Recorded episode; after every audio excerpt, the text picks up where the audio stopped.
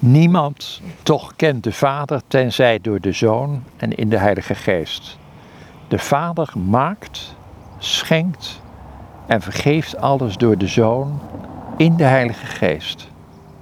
Ook al zijn alle drie personen eeuwig samen en elkaar gelijk in hun onuitsprekelijke natuur, toch schijnt de Heilige Geest op een of andere manier als het ware dichter bij de schepping te staan, omdat Hij uit beide andere personen voortkomt en de gave van beide is. Door die gave hebben wij het vruchtgebruik ontvangen van alles wat van God komt. Want in God is de natuurlijke gave aanwezig die aan elke natuur, zoals eerder is gezegd, geschonken kan worden om van te genieten. Zo schijnt immers het fysieke licht, juist omdat het licht is, op een natuurlijke manier. Dat betekent dat het licht voortbrengt waar geen licht was. Want licht kan immers zowel slaan op het bestaande als op het nog niet bestaande licht. Verlicht betekent dan dat er iets uitkomt en zo licht ontstaat. En omdat het licht schijnt, verlicht het. Dat wil zeggen, schenkt het licht.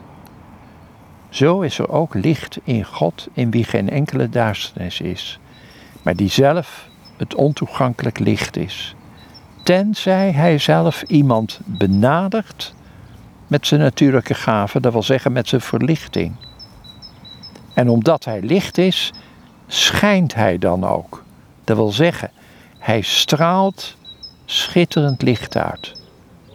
En omdat het licht schijnt, dat wil zeggen schittering uitstraalt, verschaft het licht, dat wil zeggen verlicht het.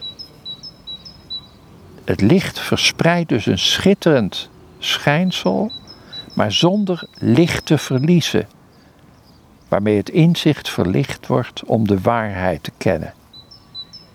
En het vuur dat zijn warmte behoudt terwijl het die verspreidt, doet het verlangen ontbranden om deugdzaamheid te beminnen. En hoewel de gelijke natuur van de drie eenheid geen onderscheid kent, dalen goddelijke gaven toch op ons neer vanuit de Vader, door de Zoon en de Geest, of in de Geest. Overeenkomstig de formule doopt hen in de naam van de Vader en de Zoon en de Geest. En evenzo stijgen menselijke gaven omhoog, door de Geest naar de Zoon en door de Zoon naar de Vader. Daarom heeft de Zoon na zijn vertrek de Geest als parakleet als helper gezonden om het lichaam van het hoofd tot eenheid te brengen. Dat wil zeggen, met Christus en met God zelf. Zoals geschreven staat, het hoofd van de vrouw is de man, van de man Christus en van Christus God.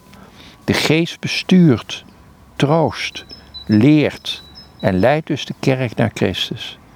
En Christus offert haar zonder smet of gebrek als koninkrijk aan God de Vader mogen de glorievolle drie-eenheid dat in ons tot vervulling brengen.